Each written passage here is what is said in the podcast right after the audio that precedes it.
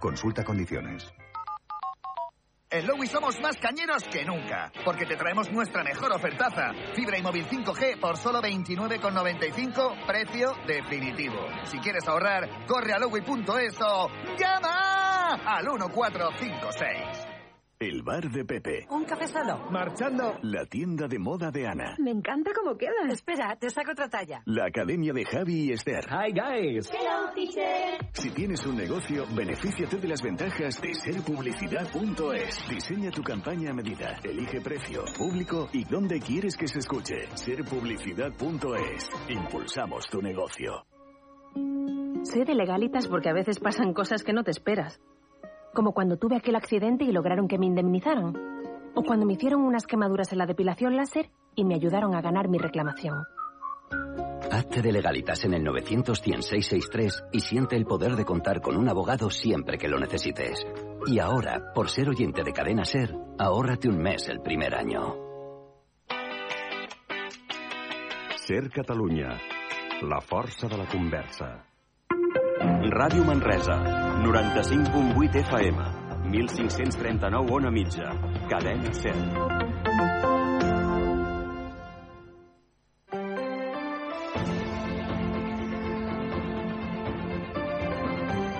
Hora L, Catalunya Central. Eli Pagant. Hola, què tal? Molt bon migdia. Passen 6 minuts de les 12. Nova jornada. Dilluns 8 de gener. Tornem ja amb normalitat després de les festes de Nadal. Hores d'ara tenim només 3 grauets al centre de Manresa, Sant Domènec.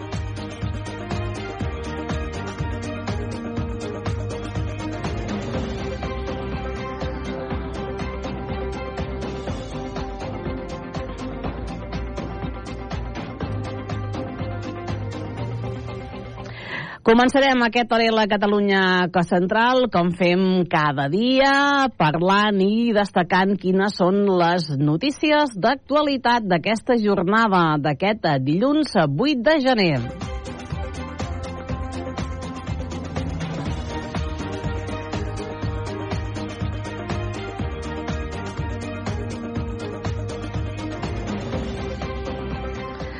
Avui en aquest hora la Catalunya Central parlarem d'Empans, que compta amb un ampli ventall de serveis d'atenció en l'àmbit educatiu. Avui nosaltres parlarem amb l'Alba Cortina d'Empans. És una entrevista de la nostra companya, la Tània Rodríguez. I avui també, com tots els dilluns, anirem una estoneta fins a la U Manresa FUB. Avui els volem parlar d'una nova edició dels Premis de Recerca de Batxillerat. Qui ens en parlarà d'aquests premis és el Jordi Conca. Anem per les notícies. Aquest diumenge han començat les rebaixes de gener. Per aquest motiu, tot i ser diumenge, bona part dels comerços del centre de la ciutat de Manresa van obrir ahir les seves portes. D'aquesta manera es dona per oberta la primera època de promocions de l'any que durarà fins a finals de març.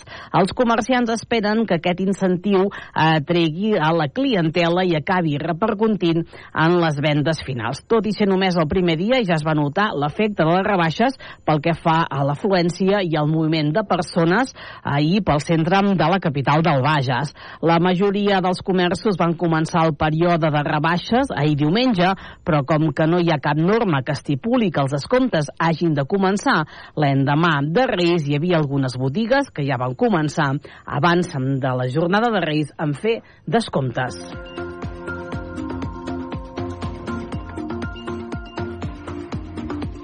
I les cases rurals a la Catalunya central han registrat una bona afluència de visitants durant la campanya turística nadalenca, sobretot per cap d'any, quan moltes d'elles van penjar el cartell de complert.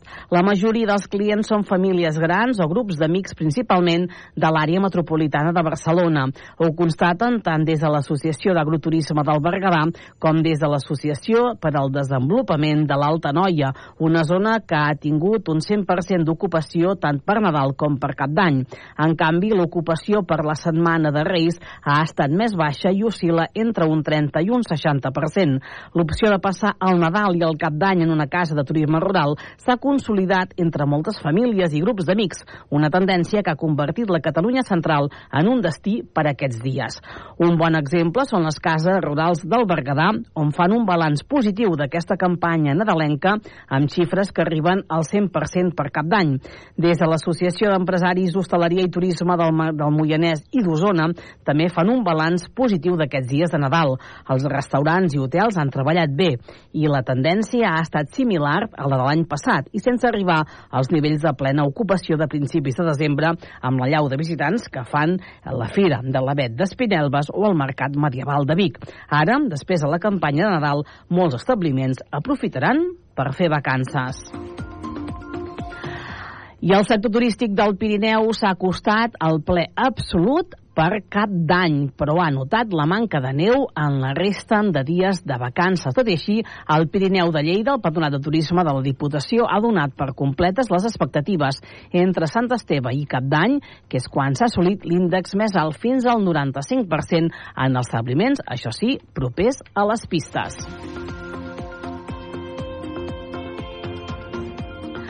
Els nivells dels embassaments de les conques internes, que es troben per sota del 17% de la seva capacitat, aboquen les zones amb més densitat de població de Catalunya a una situació d'emergència. El govern dona per fet que caldrà activar la fase més greu en les properes setmanes. El compte enrere per declarar l'estat d'emergència per la sequera ha començat, i és que amb les reserves a les conques internes per sota el 17%, la declaració ja és pràcticament inevitable. Doncs eh, és una mica més de... anar una mica més enllà del que ha anat fins ara, és reduir una mica més eh, el consum d'aigua eh, a, a les diferents poblacions. És a dir, la gestió actual és eh, anem a salvar-nos com sigui, no? anem a mantenir el que tenim, el poc que tenim anem a, anem a distribuir-lo bé, anem a guardar-lo, anem a repartir-lo bé, però, però clar, ja hem de començar a pensar que, que, que d'aquí a 10 anys ve una altra i que potser serà encara pitjor que aquesta. L'entrada en emergència reduirà el consum d'aigua a 200 litres al dia per habitant, que en un futur podria baixar a 180 i a 160 litres.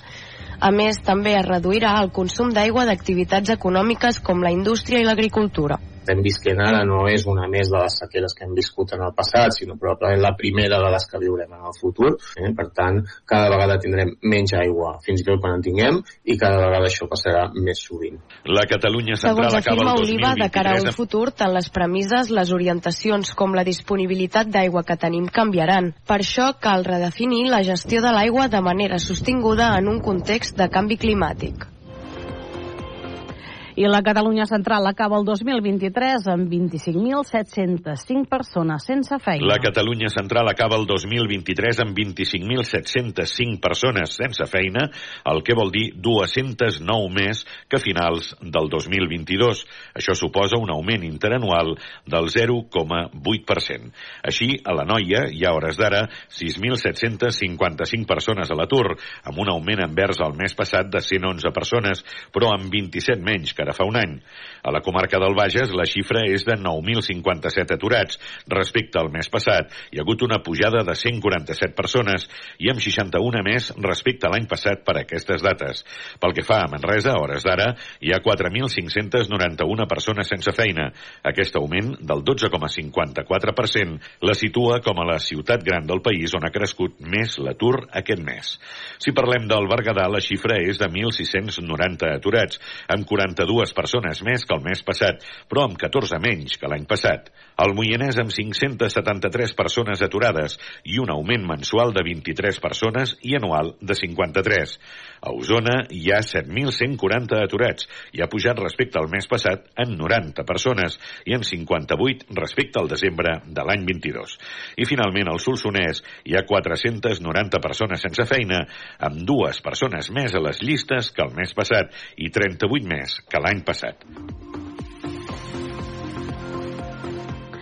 I en esports, el Baxi Manresa, que jugarà la Copa del Rei, que tindrà lloc al febrer a Màlaga. I és que el Baxi Manresa, tot i perdre ahir davant del Bascònia, jugarà a la Copa del Rei després que ahir el, doncs, l'equip de Xima Moneke perdés davant del Real Madrid de bàsquet i fes doncs, que el Baxi Manresa es classifiqués per anar a aquesta Copa del Rei. El sorteig per saber qui, qui, quin equip jugarà doncs, a Màlaga. El primer partit contra el Baxi Manresa es farà dilluns de la setmana vinent a la una del migdia.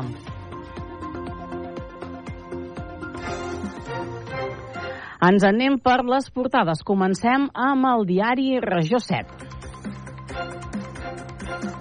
que parla que arriba al porta a porta equipaments esportius, culturals i educatius de Manresa. També parlen que Sanitat, Sanitat està estudiant implementar la baixa automàtica de 3 dies per rebaixar la situació a l'atenció primària degut als virus respiratoris. També parlen de la, xadesa, la deixadesa que caracteritza l'entorn del pont llarg de Manresa. Ens anem a l'equip Berguedà, que explica quin serà el calendari laboral del 2024 a Berga. Així queden els festius locals i també els ponts. També parla d'un espectacular mural de 45 metres de Nil Sapon, que aspira a ser el millor del món. Ens anem al Nació Digital Solsona. Els bombers de la Generalitat han treballat en 602 serveis al Solsonès l'any 2023 i també diuen que el bisbe de Solsona celebra el setè aniversari de la seva ordenació episcopal. I a l'infonoia.cat que la indústria lidera la facturació de les empreses a la comarca de la Noia.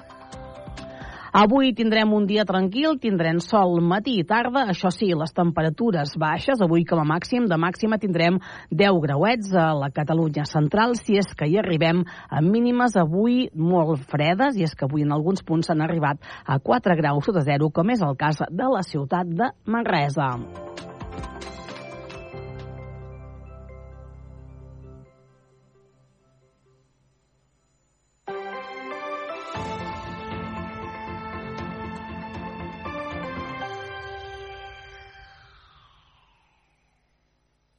Busques una perruqueria que realment es preocupi per la salut del teu cabell? Amb productes 100% vegans. Núria Serratós de Perruquers. Perruqueria unisex i per a totes les edats. Núria Serratós de Perruquers. Amb un tracte familiar. Núria Serratós de Perruquers. El teu cabell t'ho agrairà. Reserva hora trucant al 93 874 43 64. Plaça Bages 14, primer primera Manresa. Núria Serratós de Perruquers, perquè el teu cabell ens importa. Busques feina? Et donem la solució. Coneix i consulta l'empresa GCT Plus, l'empresa de treball temporal que es posa a la teva disposició per ajudar-te. Et donaran resposta immediata a les teves necessitats laborals amb oficines arreu del territori català. Deixa'ns ajudar-te i vine a la més propera, a Manresa, Igualada o Berga. Consulta la web gctplus.com. Empresa col·laboradora amb el Miliarum Montserrat 2025. Et proposem una finestra oberta al món i a tots els temes que puguis imaginar. Un espai lliure, on cada tertulià pot expressar el que pensa i el que vol i nosaltres estem contents de que ens hi vulguis acompanyar. Barra Lliure, un programa de Pilar Gonyi sense filtres i amb tot allò que vols saber i que els nostres convidats t'expliquen. De dilluns a divendres a la una del migdia en directe a Ràdio Manresa i Canal Taronja de Televisió i en remissió a la televisió a dos quarts de quatre de la tarda i a les 10 de la nit.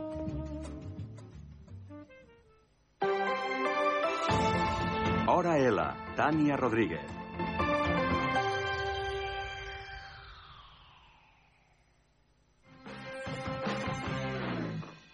Què tal? Ampans és una fundació de referència al nostre territori que treballa en l'acompanyament amb persones amb discapacitat intel·lectual, amb malaltia mental o en situacions de vulnerabilitat. Per això nosaltres avui hem convidat al nostre programa a l'Alba Cortina, que és directora de l'Escola d'Educació Especial Geroni de Moragas. Molt benvinguda, Alba. Bon dia. Bé, és que un dels àmbits en els que treballa la Fundació Ampans és en l'àmbit educatiu. Correcte. Alba, per començar a entrar en matèria, explica'ns una miqueta mm, què és el que ofereix aquesta escola, l'Escola Geroni de Moragas. Doncs l'escola Geroni de Moragas és, eh, com tu bé has dit, una escola d'educació especial que bàsicament a partir del decret de l'any 2017, que va ser el decret d'escola inclusiva, té una funció molt específica i molt concreta, que és atendre aquells alumnes que tenen una necessitat de suports intensos. Això què vol dir? Traduït a un llenguatge més així eh, que, que es pugui entendre per tothom, vol dir que són alumnes que tenen unes dificultats importants i destacades, que necessiten molt suport per tal de que puguin fer una adequació entre el que ells saben fer i el que els hi requereix l'entorn, sigui l'entorn de família, l'entorn educatiu i l'entorn social. Per tant, ens estem orientats a facilitar aquests suports d'aquesta intensitat, diguem-ne, diguem elevada. Uh -huh. I aquesta és la nostra, la nostra funció principal. Uh -huh. On es troba l'escola? L'escola està ubicada al municipi de Sant Padó, a la finca Santa Maria de Comavella. Uh, és una escola que va començar sent una escola molt petitona ja pràcticament fa 60 anys, sempre com, com les fundacions de l'època va ser iniciativa de famílies que tenien fills també amb discapacitat i per tant va començar, ara estem allà ubicats, però va ser una petita escoleta situada a un carrer de Manresa, al carrer Cintaires, i a partir d'aquí, doncs, gràcies a una donació i un llegat d'una família molt solidària doncs vam poder traslladar-nos a Comavella allà vam tenir una altra escola que va ser una escola més gran i ara ja estem en un edifici molt gran que té una capacitat pràcticament per 300 alumnes que és el que tenim a dia d'avui inclús uns quants més uh -huh. Ara hi ha més de 300 alumnes? Sí, a dia d'avui hi ha més de 300 alumnes. De fet, estem a 339 a dia d'avui, tenint en compte que també tenim moltes vegades la matrícula viva, que això vol dir que durant el curs a vegades hi ha alumnes que necessiten això, poder venir a ser escolaritzats a la nostra escola, per tant, com totes les escoles d'aquest territori, de, les, de Manresa i de la comarca, doncs sabem que hi ha en, en aquest territori nostre un flux d'alumnes important que van venint i que si hi ha necessitats educatives especials d'aquestes característiques que deia abans doncs necessiten aquest, aquest tipus d'educació i d'escolarització. Mm. 339 alumnes, de quina edat a quina edat? Què és el que és? Mira, l'edat d'inici a la nostra escola són 3 anys i poden estar a l'escola escolaritzats fins als 20-21 anys. Nosaltres sempre prioritzem aquest acabament d'etapa als 20 anys perquè després, per sort, la Fundació té serveis de continuïtat, per tant, quan acaben l'etapa educativa, mai cap alumne ni cap jove, perquè aquesta edat ja parlem de joves, queda sense servei i continua quedant protegit per als serveis de la Fundació. Uh -huh. Per tant, és de 3 a 20 anys, com els tenim organitzats? Els tenim organitzats per etapes educatives. El nostre funcionament és un funcionament exactament igual al que seria una escola ordinària. Sí que és cert que tenim unes ràtios més baixetes, que les nostres agrupacions a vegades no poden ser doncs, una classe de 7 nens de 7 anys i una de 7 nens de 8 anys, perquè venen quan venen, per tant sempre tenim aquesta variació de, de, en un grup poden coincidir nens de dues edats diferents o de tres edats diferents però al final, com que hi ha tota una personalització dels aprenentatges i treballem en programes individuals i cadascú treballa d'acord al seu nivell, sí que llavors hi ha altres activitats que són transversals, que són per tothom, però el que serien aquelles activitats més bàsiques, instrumentals, que mm. diem aprendre a llegir, aprendre a escriure, que també és objectiu del nostre àmbit educatiu, doncs això sí que ho treballem de manera molt i molt personalitzada, com altres aspectes, tot l'aspecte més emocional, l'aspecte de conducta, l'aspecte de les habilitats socials, són temes previs que s'han de treballar d'una manera molt a fons per tal que ells estiguin preparats per poder aprendre. Si no treballem tot això prèviament, l'aprenentatge és molt difícil. Mm. I quin és el perfil d'alumnes? Mira, a dia d'avui, com ja, ja ho sabeu, perquè ja s'ha dit bastantes vegades, eh, estem tenint molt diagnòstic d'autisme, molt trastorn del neurodesenvolupament, que en edats més primerenques, quan són més petitons, no es fan encara diagnòstics definitius, però hi ha molt això, molt, molta eh, molt de trastorn del, del neurodesenvolupament vol dir que hi ha una dificultat en la maduració neurològica d'aquests alumnes i per tant ens fa pensar que quan seran més grandets i es podran consolidar diagnòstics doncs parlarem molt de l'espectre de l'autisme Després també parlem de trastorns de la conducta, també sabem que hi ha molta prevalència de trastorns de la conducta en general en els centres educatius.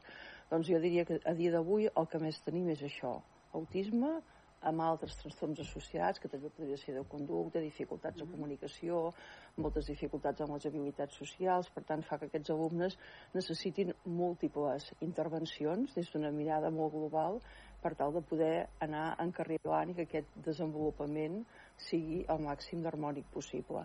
I després també tenim una franja d'alumnes que en els últims cinc anys han tornat a aparèixer, jo dic d'aquesta manera, al nostre centre, pluridiscapacitats, són alumnes doncs, que són d'entorns socials no tan afavorits o que no hi ha tant control mèdic, els embarassos no han pogut ser embarassos tan controlats i per tant doncs, hi ha hagut situacions doncs, de criatures molt, amb pluridiscapacitat, vol dir amb afectació motriu, amb afectacions també de l'àmbit de l'epilèpsia i de més. Eh? Però els dos perfils que dia d'avui més tenim serien aquests que t'he anomenat anteriorment i per què això passa? Doncs perquè és cert que les escoles ordinàries cada vegada tenen més alumnat amb dificultats i que fan més atenció a la diversitat per tant, és una evolució, diguem, de lògica de la cosa. Tot i així, semblaria que hauríem de tenir menys alumnes, però també hem fet un creixement molt i molt gran en aquests últims anys. Vull dir que en els últims 10 anys no hem parat de créixer. I això ha passat aquí, a la nostra escola de, de la Fundació, com també a altres escoles d'educació especial del territori d'arreu de Catalunya. No és un tema que solament ens afecti a nosaltres, sinó que ha passat per tot arreu.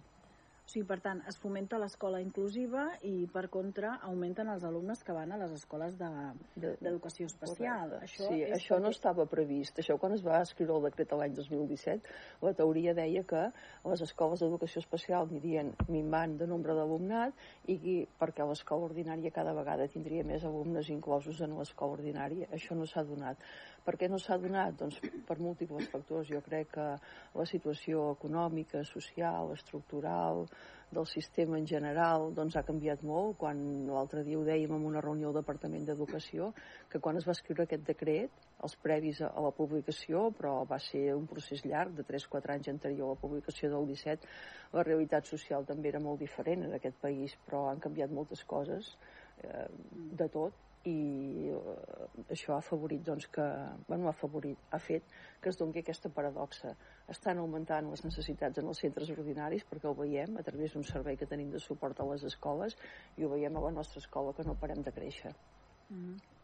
Alba, hi ha alumnes eh, que van a l'escola Jeroni de Moragues, com a qualsevol escola ordinària, de dilluns a divendres, amb un horari, però també hi ha alumnes que comparteixen no, l'escola sí. d'educació especial i l'escola ordinària? Sí, sí, és així hi ha alumnes que per les seves necessitats i algunes àrees del seu aprenentatge que necessiten uns suports més intensos i que a millor l'escola per ordinària pels condicionants, per, per l'organització de l'escola i bueno, per les coses que ja sabem de l'escola. És perquè hi ha molts més nens a, a les aules ordinàries perquè no hi ha els recursos doncs la, la compartida és un bon recurs perquè això que vol dir que dels 5 dies de la setmana poden venir, per exemple, dos dies a l'escola Geroni de Moragues i tres dies a l'escola ordinària.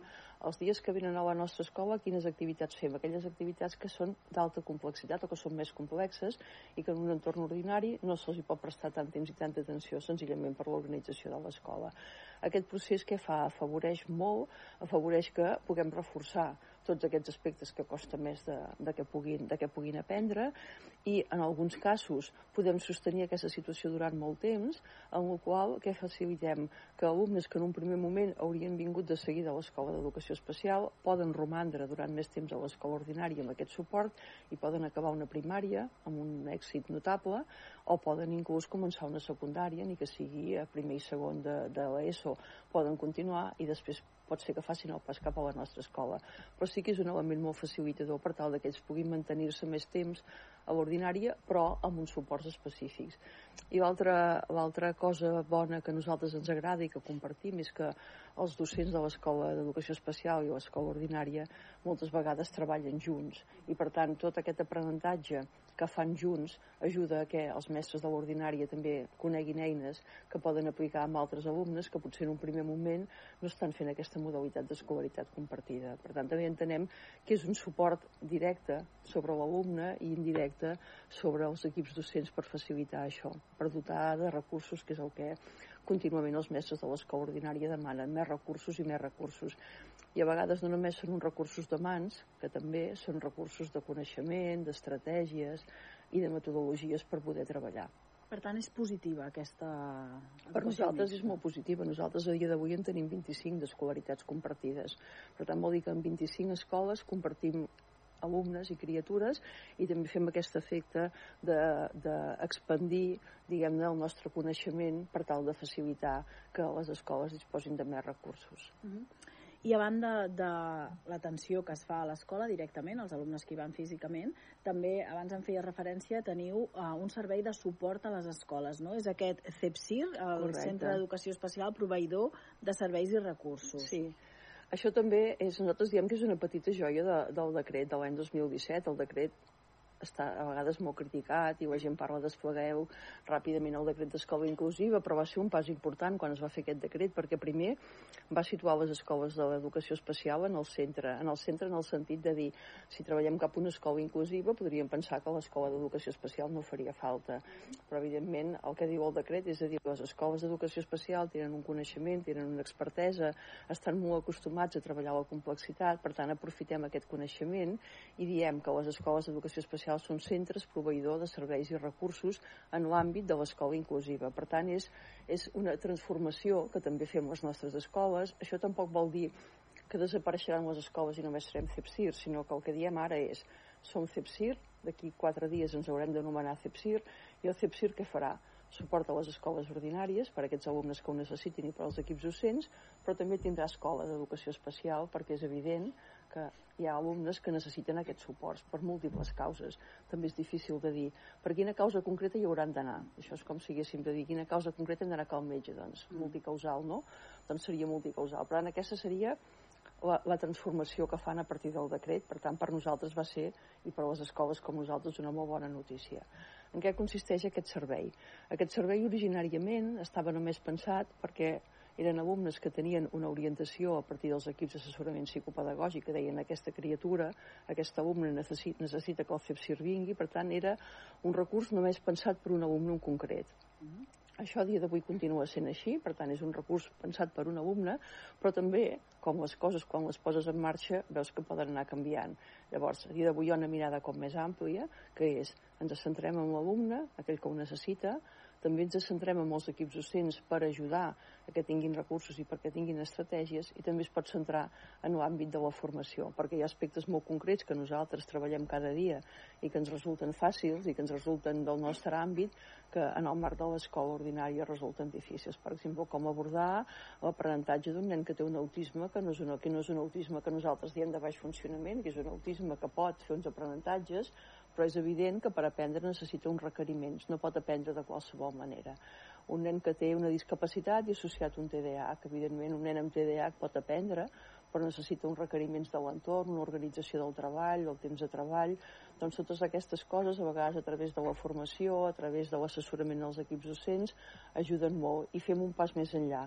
Si només mirem a cada alumne, necessitarem recursos que no, no, no tindrem mai tants recursos perquè vol dir persona a persona però ho farem, ho fem igualment, però també fem aquesta part d'empoderar els equips docents perquè cada vegada siguin més capaços d'entomar tota aquesta diversitat i nosaltres també, evidentment, treballar dintre de les escoles.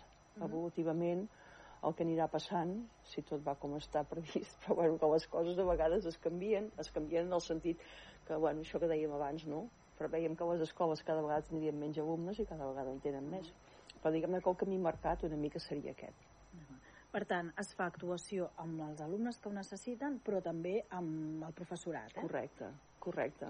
I actualment, eh, quants alumnes tenen aquest servei? Mira, ara aproximadament estem entre 70 i 80 alumnes que tenem així a nivell individual, amb noms i cognoms, per dir-ho d'alguna manera, i presents en 38 escoles. Em sembla que ahir em deien hi ha 40 perquè ahir se n'hi van afegir un parell més d'escoles que tenim sol·licitud feta clar, això ja, és un, ja té un cert impacte, no? I, de, i per, té impacte per a aquests alumnes que tenen aquest servei, però també té molt impacte en aquestes 38-40 escoles, perquè evidentment vol dir que és, estem fent un treball que va més enllà de l'alumnat, perquè estem fent, a més a més, en moltes d'aquestes escoles, plans de formació, assessorament als equips docents, o sigui que això té un valor per nosaltres important. I els equips docents ens transmeten i ens mostren que estan contents, que els hi va bé, que els hi agrada i que se senten acompanyats, bàsicament. Mm. Perquè sí que és cert que molts mestres ens diuen de l'escola ordinària ens sentim una mica com desemparats perquè no tenim la certesa de que el que estem fent ho estem fent bé i en aquest sentit tenen tota la raó perquè cadascú doncs, sap del que sap ells saben fer unes coses molt ben fetes i unes altres no tant com nosaltres mateixos algunes som experts com ells mateixos i altres, doncs, si ens ho fessin fer, diríem, home, em fa falta encara molt recorregut. I que actualment hi ha tres professionals del CEPSIR que donen aquest servei. És suficient per atendre a tots aquests centres? No, o sigui, l'administració ens ha donat tres professionals en el moment en què vam, ens, van, ens van ja dir que érem, que érem CEPSIR oficialment, però nosaltres el que hem fet és internament hem organitzat un equip, som un equip de sis persones, perquè també és veritat que les demandes són molt diverses i variades, per tant, si només diguéssim tres tutors, però les necessitats que tenim a fora són de comunicació i llenguatge, de, de conducta, d'adaptar materials, tenim moltes necessitats, per tant, amb aquest equip de sis ens ho combinem, depèn de les necessitats que hi ha, llavors tenim tot un procediment de valoració inicial, l'equip d'assessorament psicopedagògic ens passa quines són les necessitats, no perdoneu, i llavors a partir d'aquí doncs, fem una primera entrevista amb el centre, quan anem al centre educatiu sempre hi ha alguna persona de l'equip directiu de l'escola ordinària, també hi ha dues persones del nostre equip CEPSIR, normalment també hi ha la persona de l'equip d'assessorament psicopedagògic. Mm -hmm. i sempre demanem que també hi hagi, per arrencar el compromís, algú de l'equip directiu perquè si hi ha algú de l'equip directiu de l'escola ordinària vol dir que hi ha un compromís amb aquests alumnes perquè si no podria ser que fos allò que interessa només amb aquell mestre en qüestió. Per tant, perquè això realment tingui un impacte sobre el que nosaltres fem, sempre demanem que hi hagi aquesta implicació. Fem un procés de valoració inicial, després fem un procés d'observació, de passar proves, el que s'escaigui, proves que tinguin a veure amb la tasca que nosaltres farem, fem una proposta de pla de treball i a partir de la proposta de pla de treball marquem doncs, uns dies per anar i l'activitat i com la farem i com fem el seguiment. I aquesta seria la nostra funció pràcticament és evident que per l'extensió de territori que tenim, amb tres no arribem i només parlant de, entre 70 i 80 alumnes ja es veu que això seria difícil, però bueno, hem buscat aquests sistemes, no? De fet, buscar el sistema d'assessorament i de formació és per poder arribar molt més lluny i perquè hi hagi més gent que se senti acompanyada. Uh -huh.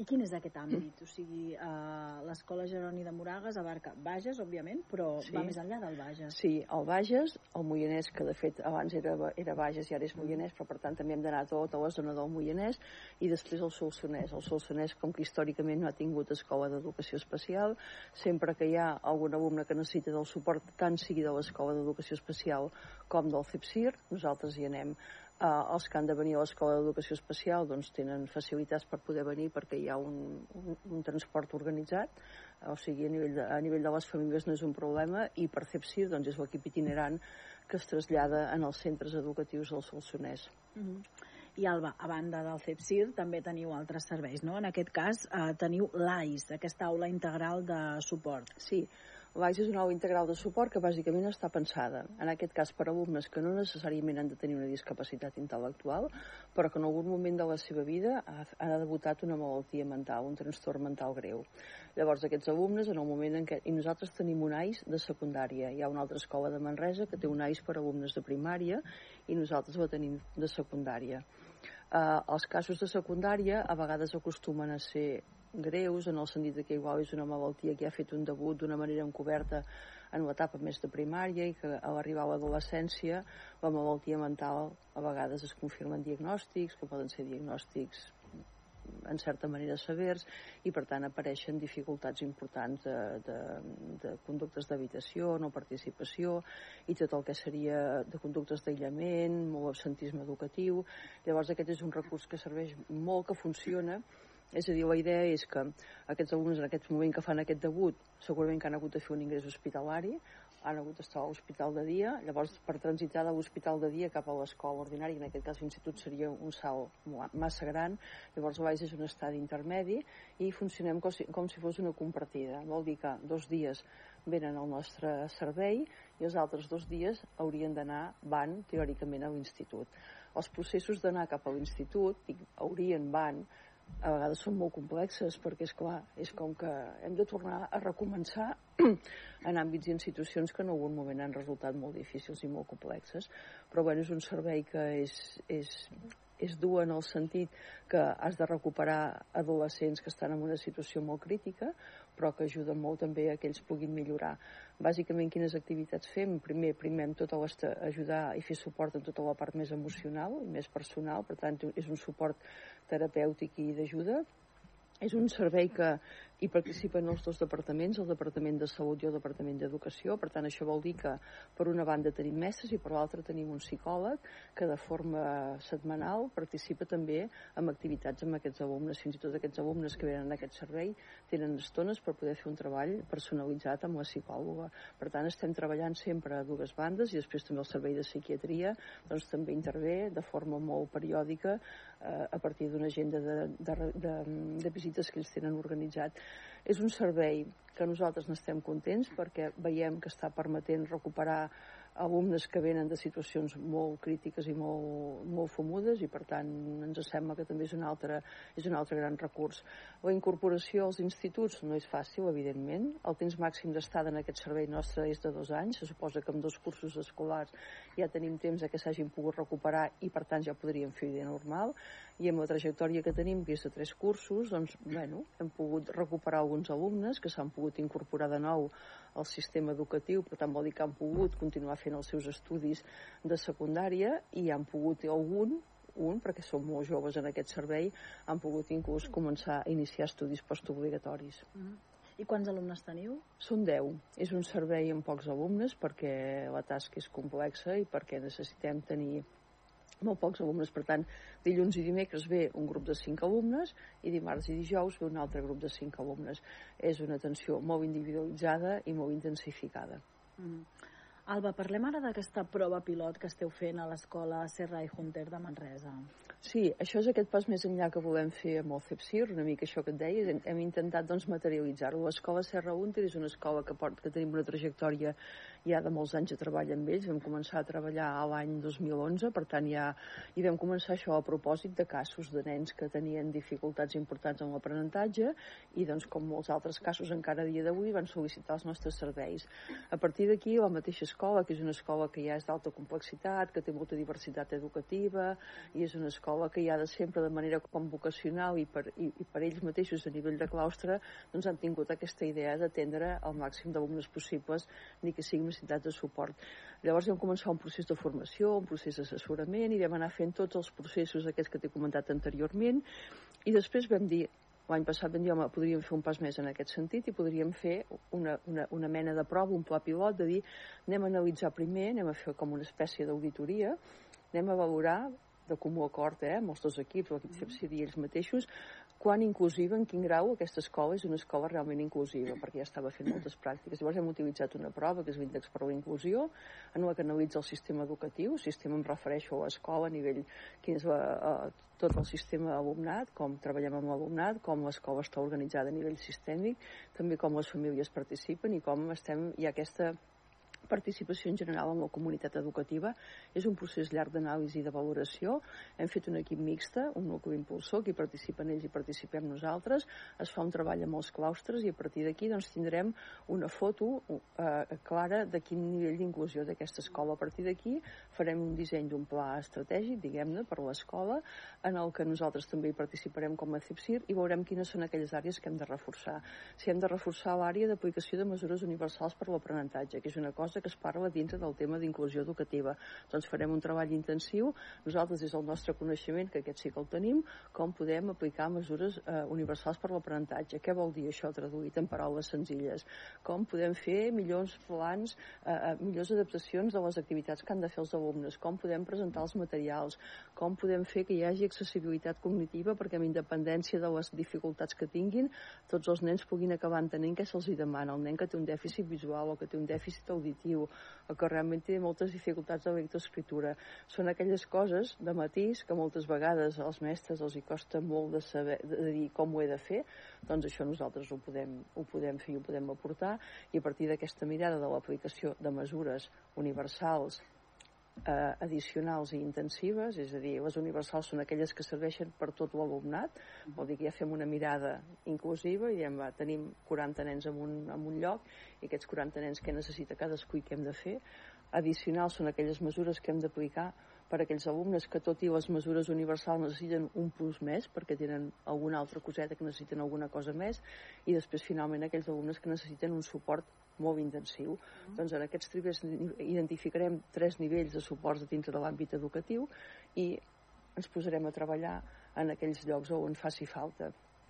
I un cop hagin fet això, traurem uns resultats, estimem que això és uns 3 anys de feina, perquè fer un pla pilot no es fa d'avui per demà, perquè tot un curs per poder fer aquest pla d'avaluació, un segon curs per planificar i començar ja a fer pràctiques i després ja començar a fer aquestes pràctiques extensives.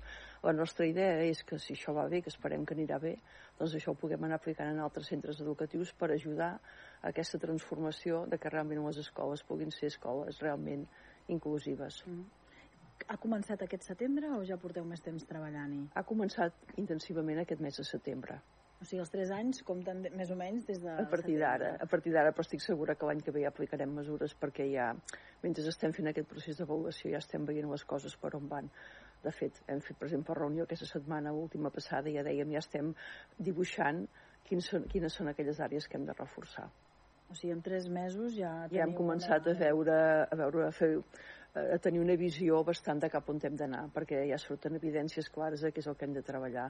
Hem de treballar, per exemple, aspectes molt relacionats com es vinculen les famílies en els aprenentatges dels alumnes, no? per exemple, perquè és veritat que també es detecten que a vegades hi ha molts alumnes que s'han de fer, que tot el procés educatiu han de fer pràcticament sols perquè en els entorns familiars hi ha molt poc suport, per tant aquest és un punt important, no? doncs que de, com s'ha de treballar, perquè és evident que si aquesta és la realitat que tenim, per exemple, en aquell lloc concret, doncs aquí s'ha de fer alguna cosa per tal de que hi hagi aquest suport i aquest acompanyament a famílies perquè els, els alumnes realment estiguin més acompanyats en el procés de l'aprenentatge, si realment necessitem mesures d'adaptació de, de, de materials o aplicació de, de llibres amb lectura fàcil, per exemple, no? perquè hi ha alumnes que no són molt competents lectors però poden llegir amb suports, que no vol dir que després no acabin sent, tenint més competència lectora, però d'entrada, abans de, de dir no llegeix, facilitem recursos, doncs ja estem veient algunes cosetes que apunten com que podrien millorar.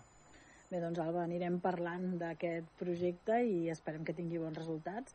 I moltes gràcies per explicar-nos, per fer-nos aquesta radiografia de tota la tasca que es fa des d'Empans i en concret des de l'Escola d'Educació Especial Jeroni de Moragas. Molt bé. Gràcies, gràcies per acompanyar-nos.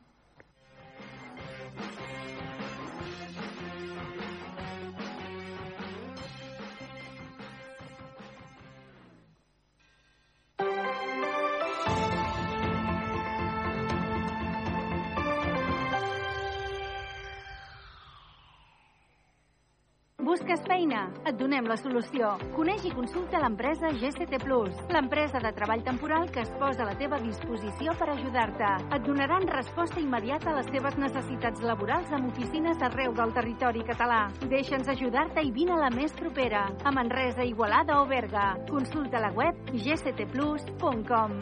Empresa col·laboradora amb el Miliarum Montserrat 2025. Si tu has perdut, Ara pots viatjar en el temps i recuperar la notícia que t'interessa amb Canal Taronja de Televisió. Segueix-nos al web canaltaronja.cat, a Twitter, Facebook, Instagram i ara també a TikTok.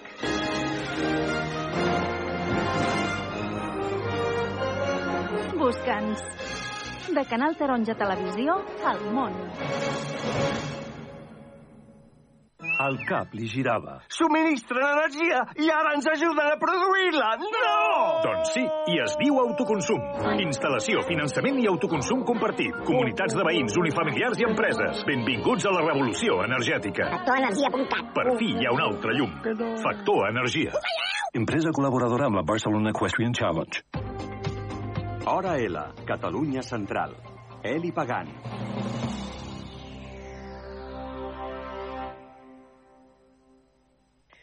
Tots els dilluns en aquest hora a la Catalunya Central ens guardem uns minutets de ràdio, ja ho saben vostès, per anar fins la 1 Manresa FUP. Avui volem parlar dels Premis de Recerca de Batxillerat i per això hem convidat al Jordi Conca. Ell és adjunt al vicerrectorat del campus Manresa de la UBIC UCC, a qui li donem la benvinguda. Jordi, molt bon dia. Molt bon dia. Gràcies per convidar-me a parlar d'aquests premis. I bon any, perquè tot just fa poc hem encetat aquest, aquest 2024 i aquest 2024 que tornen, podríem dir, com els altres anys, aquests premis de recerca de batxillerat. Um, Jordi, posem-nos una mica en context. Són uns premis que ja fa anys que, que entregueu, però explica'm uh, què són aquests premis de, de recerca de, de batxillerat, quin és, per què veu decidir doncs, uh, premiar aquests treballs de recerca dels alumnes de batxillerat? Doncs primer, com deies, eh, bon, any, aquest 2024, doncs eh, continuen aquests premis, ja arribem a, comentaves, eh, portem ja en aquest any la 23a edició, ja portem 23 edicions doncs, d'aquesta convocatòria que, com dius tu, eh, està dirigida doncs, a, als alumnes de batxillerat, alumnes de segon de batxillerat, que fan el seu treball de recerca, és un treball que tot alumne de batxillerat, sigui quina sigui la seva especialitat, doncs l'ha de fer per acabar superant doncs, aquesta etapa de, del batxillerat i el que nosaltres portem fent doncs, en tots aquests 23 eh, anys que comentàvem doncs, és fer un reconeixement als millors, eh, als millors treballs, no? reconèixer i incentivar la recerca de l'estudiant de batxillerat sense demanar-li un extra, perquè ja l'estan fent, aquest treball, però sí que és anar a buscar els millors treballs. Eh, a més a més, no estem parlant del territori més proper nostre, sinó que són uns premis que estan eh, dirigits a qualsevol alumne de Catalunya que estigui fent o que hagi fet aquest, que hagi fet aquest treball. Sí que és veritat que la, els treballs que nosaltres acabem premiant serien dintre dels tres àmbits de coneixement de la nostra, de coneixement o d'expertesa de la nostra, del nostre campus universitari d'aquí Manresa, que seria l'àmbit de salut, l'àmbit d'economia empresa i l'àmbit d'educació. De, um, important aquest, és a dir, no, no us demaneu un esforç, no demaneu que els alumnes de batxillerat presentin uns treballs, sinó que el que es fa és uh, triar aquests premis millors de recerca que ja fan, que han de fer no, amb el curs els seus, aquests alumnes de batxillerat, Jordi, eh? Sí, sí que han de fer l'esforç doncs, de, de presentar-se. També sí. cal dir que no es pot presentar un alumne de forma lliure, ell directament, sinó que ha de passar per una validació del seu propi centre. O sigui, els treballs presentats a la, a la universitat, al campus Manresa, han d'haver passat una, una criba del, del centre doncs cada centre pot arribar a presentar un màxim de tres treballs per, per, per modalitat, però ha d'haver-hi doncs, aquesta, aquest vistiplau, aquesta recomanació, aquesta eh, carta d'acompanyament del propi tutor i del propi centre doncs, que ha validat no deixa de ser també un primer filtre, no? Molts instituts el que fan és veure tots els premis que, que hi ha a nivell de, de tot Catalunya i marcar doncs, una mica les prioritats de quins treballs en funció del tema aquest que comentava, eh, de l'especialització del treball, doncs veure, ostres, doncs mira, aquest és un molt bon treball, doncs el podem presentar a la modalitat d'empresa, d'economia empresa de, del campus Manresa, no? Doncs hi ha aquesta prèvia. Llavors sí que s'ha de fer una... han de presentar el treball, però diguéssim, la feina gran ja l'han fet a primer i segon de batxillerat durant el temps que han estat elaborant el seu treball de, de, de, de recerca. Llavors aquí sí que han de fer una sol·licitud, s'ha de presentar el treball eh, bé, diguéssim, sense identificació ni de centre ni de la persona perquè el, el jurat doncs, avaluï a cegues també la, el treball i la procedència d'aquest treball. Sí que és veritat que a vegades amb la lectura del treball s'intueix no? una mica de, de com pot ser no? el treball en funció si és un àmbit de recerca molt vinculat amb un territori concret, no? però diguéssim l'esforç que han de fer alumne i centre és fer la tria i presentar-se i presentar-se en format, eh, és un format digital i presentar la seva candidatura amb aquests, amb aquests premis. Què és el que... que, que perdó, què reben aquests, els premiats amb, aquest, amb aquests, els que seran guardonats amb aquests premis de recerca de batxillerat, Jordi? els premiats, a part de la satisfacció que ja és bona de, de, de, de, de guanyar, que això sempre doncs, la tenen ells i tots els presentats, perquè la veritat, la qualitat dels treballs presentats és excel·lent, però sí que hi ha una dotació econòmica. Hi ha una dotació econòmica per a estudiants de, de, de 3.000 euros, dividit en cada una de les especialitzacions, o sigui, reben el guanyador un premi de 1.000 euros per especialitat, i l'institut doncs, també rep una, una compensació, en aquest cas més baixa, econòmica, de, són uns 450 euros eh, dirigits als centres. L'alumne, a més a més d'aquesta quantitat econòmica doncs, que, que rep, també doncs, té una, una, un complement que si escull triar, escull venir a estudiar al nostre campus universitari, doncs el primer any té la docència gratuïta. Llavors és una, podríem estar parlant aquí que es complementa aquest premi amb uns, al voltant d'uns 5.000 euros aproximadament en funció de la titulació doncs que tindrà també finançat el primer any que vingui a estudiar al nostre campus. No? Llavors, home, crec que també és un incentiu i un reconeixement econòmic important, i més si aquest alumne doncs, té dintre de la seva eh, les seves eleccions de carrera universitària per l'any següent doncs, la possibilitat doncs, de venir a estudiar els nostres estudis d'infermeria, de fisioteràpia, d'ADE, d'educació infantil, les diferents titulacions que tenim al campus, al campus Manresa. Que sí que queda clar que com és una, un premi de Campus Manresa, les titulacions han de ser exclusivament del Campus Manresa i no d'altres campus que té la mateixa, la mateixa universitat. Uh, com, com va de calendari? És a dir, mm, s'han de presentar fins unes dates concretes? Quan s'entreguen aquests premis de, de batxillerat, Jordi?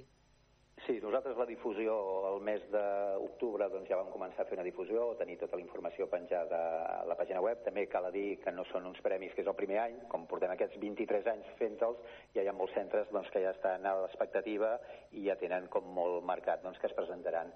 Jo sí que hi ha un termini màxim de presentació, concretament el termini màxim és el 7 d'abril del 2000 d'aquest any, del 2024, doncs, que és el termini doncs, que, que es vagin presentant aquests, aquests treballs. Com us deia, ja tenim centres, ja han començat a rebre alguns, cal dir que sí que van una mica més, de, més tard, passat Setmana Santa, que és quan comencem a rebre el gruix important doncs, d'aquests treballs. Eh, deixem que complementi també amb el tema que sí. parlàvem abans de, de, de la dotació econòmica, que amb aquesta dotació econòmica hi ha un esforç per part de la nostra Fundació Universitària, la Fundació Universitària del Bages, però aquí també contem amb la col·laboració i ja des de fa molts anys d'uns patrocinadors, que són entitats i empreses del, del territori. Tenim l'empresa Control Group, de, del món de la, de la informàtica, doncs, que financia el, el premi metàl·lic de, de la modalitat d'educació. Tenim l'empresa industrial Denso, Denso Barcelona, eh, ubicada aquí en el nostre territori, que financia doncs, els premis de l'àmbit d'economia i empresa i també l'asseguradora Occident, hi ha hagut un canvi de nom eh, que ens han anunciat ara fa poc, que era Catalana Occident, però a partir d'ara és uh mhm. -huh. Occident, doncs que també ens patrocina una, la modalitat de, de salut. Cal dir que sense aquests patrocinadors doncs, es faria difícil perquè bueno, com a fundació universitària que som, sense ànim de lucre, els recursos econòmics, doncs intentem també de poder premiar, poder beneficiar l'alumnat, però ens va molt bé doncs, tenir aquest recolzament per part d'aquestes empreses doncs, que, que col·laboren de, des de fa molts anys amb, aquesta, amb aquests premis. Jordi, quants treballs, treballs rebeu amb, un, amb uns premis d'aquestes característiques, eh, aproximadament, eh? Sí, mira, si posem la referència l'any passat vam tenir concretament 71 treballs i si sumem les 22 edicions doncs, que hem fet fins a, fins a la data, doncs estem parlant que se'ns han arribat a presentar un total de 1.004 treballs eh, amb aquestes 22 eh, edicions. No? creiem que aquest any doncs, ens mourem això al voltant d'aquests 70, 80, hi ha hagut anys més, menys, depèn doncs, això una mica la tria que acaba, acaba fent de cada centre. Tenim, per exemple, eh, sempre recordem alguns dels centres que els tenim com molt fidelitzats amb aquests treballs, tenim el, el, l'Institut Cairat d'Esparreguera, que és un dels instituts que cada any presenta i a més a més és un dels instituts que gairebé podria dir que en els últims 4 o 5 anys eh, han estat premiats eh, amb alguna de les modalitats. També tenim centres doncs, d'aquí doncs, de, de territori, com pot ser la mateixa Joviat o, eh, o la Setània o el Peguera, doncs també són instituts doncs, d'aquí de centre. Però cal dir això, eh, que tenim gent l'any passat, els tres guanyadors, per exemple, no van ser instituts de territori, en aquest cas van ser uh, un institut de Rubí, un institut de Vilafranca del Penedès i l'Institut d'Esparreguera, de, no? I això, en números esperem que ens situarem amb aquest al voltant dels 70, 80, 80 treballs. Uh, que no sé si amb els anys heu trobat que això també s'ha anat expandint, no? Suposo, dels instituts que s'hi presenten, Jordi. Totalment, totalment. I el que sí que veiem és que quan, un, per exemple, arribem a un institut que potser algun any no havíem arribat o, o pel motiu que fos no havien seleccionat la nostra universitat per presentar-se en els premis, quan es presenten doncs, moltes vegades ja s'acaba fidelitzant aquest, aquest institut i el que sí que veiem és que potser un any han presentat un treball amb una modalitat i l'any següent doncs, veus que han presentat a diferents modalitats i no només un treball sinó amb aquest màxim que diem de tres treballs per institut doncs s'acaben presentant un volum, un volum superior. No? nosaltres contents doncs, que hi hagi aquesta, aquesta predisposició i que hi hagi aquest volum important de treballs. Altre, un altre tema seria els membres del jurat, el fet de que hi hagi un volum molt gran, doncs, bueno, comporta una feina perquè s'ha de fer una lectura curosa doncs, de tots aquests treballs i intervenen diferents eh, professionals de la pròpia universitat a, a l'hora de fer aquestes valoracions d'aquests treballs per poder ser justos i escollir els que, els premiats. Tot això es fa a través d'unes rúbriques que ja estan determinades pel nostre Departament de Recerca i que facilita una mica aquesta, aquesta valoració. És a dir, aquest és el jurat, Jordi. Això mateix. Els jurats són professorat de, de les uh, diferents titulacions de, de, dels diferents àmbits i també sempre es complementa amb, un, amb una persona de l'empresa patrocinadora uh. -huh. i un professor d'institut també que hi participa dintre del, del jurat. Uh, Jordi, uh, jo sempre, sempre en parlem, eh? quan parlem d'aquests premis, us sorprenen els treballs de, de recerca de batxillerat que fan aquests alumnes, la temàtica, com estan fets? La veritat que sí, és, a vegades quedem doncs, eh, gratament sorpresos de l'alta qualitat. Veus també l'acompanyament doncs, que hi ha per part del, dels tutors i l'esforç doncs, que hi ha darrere per part d'aquests alumnes. Cal dir també que eh, la modalitat de presentació d'aquests treballs pot ser individual, que són la gran majoria, però també poden haver-hi treballs presentats dos, màxim tres persones, no? que també pot ser una presentació col·lectiva. I la veritat que la qualitat doncs, d'aquests treballs eh, és, és excel·lent i el fet de que hem de triar Uh, alguns d'ells sap greu perquè mm, la veritat que tots ells doncs, uh, es, es mereixen un reconeixement d'una gran feina que han fet. I com dèiem abans, cal dir això, que els que s'han presentat ja han passat una selecció prèvia de, del seu institut, no? Llavors estem parlant ja de, dels uh, treballs o estudiants que ja sobresurten amb aquest treball de recerca que han tingut que, que realitzar durant aquests eh, presenten a segon de batxillerat, però molts d'ells han començat a fer la feina a primer de batxillerat. Doncs aquests premis de recerca de batxillerat, una nova edició que ens explicava avui el Jordi Conca, adjunt al vicerrector- vicerrectorat del campus Manresa de la UBIC UCC. Jordi, moltes gràcies. Moltes gràcies i esperem que de cara al mes de maig doncs, tinguem ja els veredictes i puguem parlar, de, Parlar, eh? dels alumnes i els instituts premiats. Que vagi tot molt bé, Jordi. Adéu-siau. Molt bé, moltes gràcies. Bé. 30 segons i la una del migdia. Acabem, tornem demà quan passin uns minutets a les 12. Ara els deixem amb les notícies i a continuació el Barra Lliure amb la Pilar Gonyi. Adéu-siau, fins demà.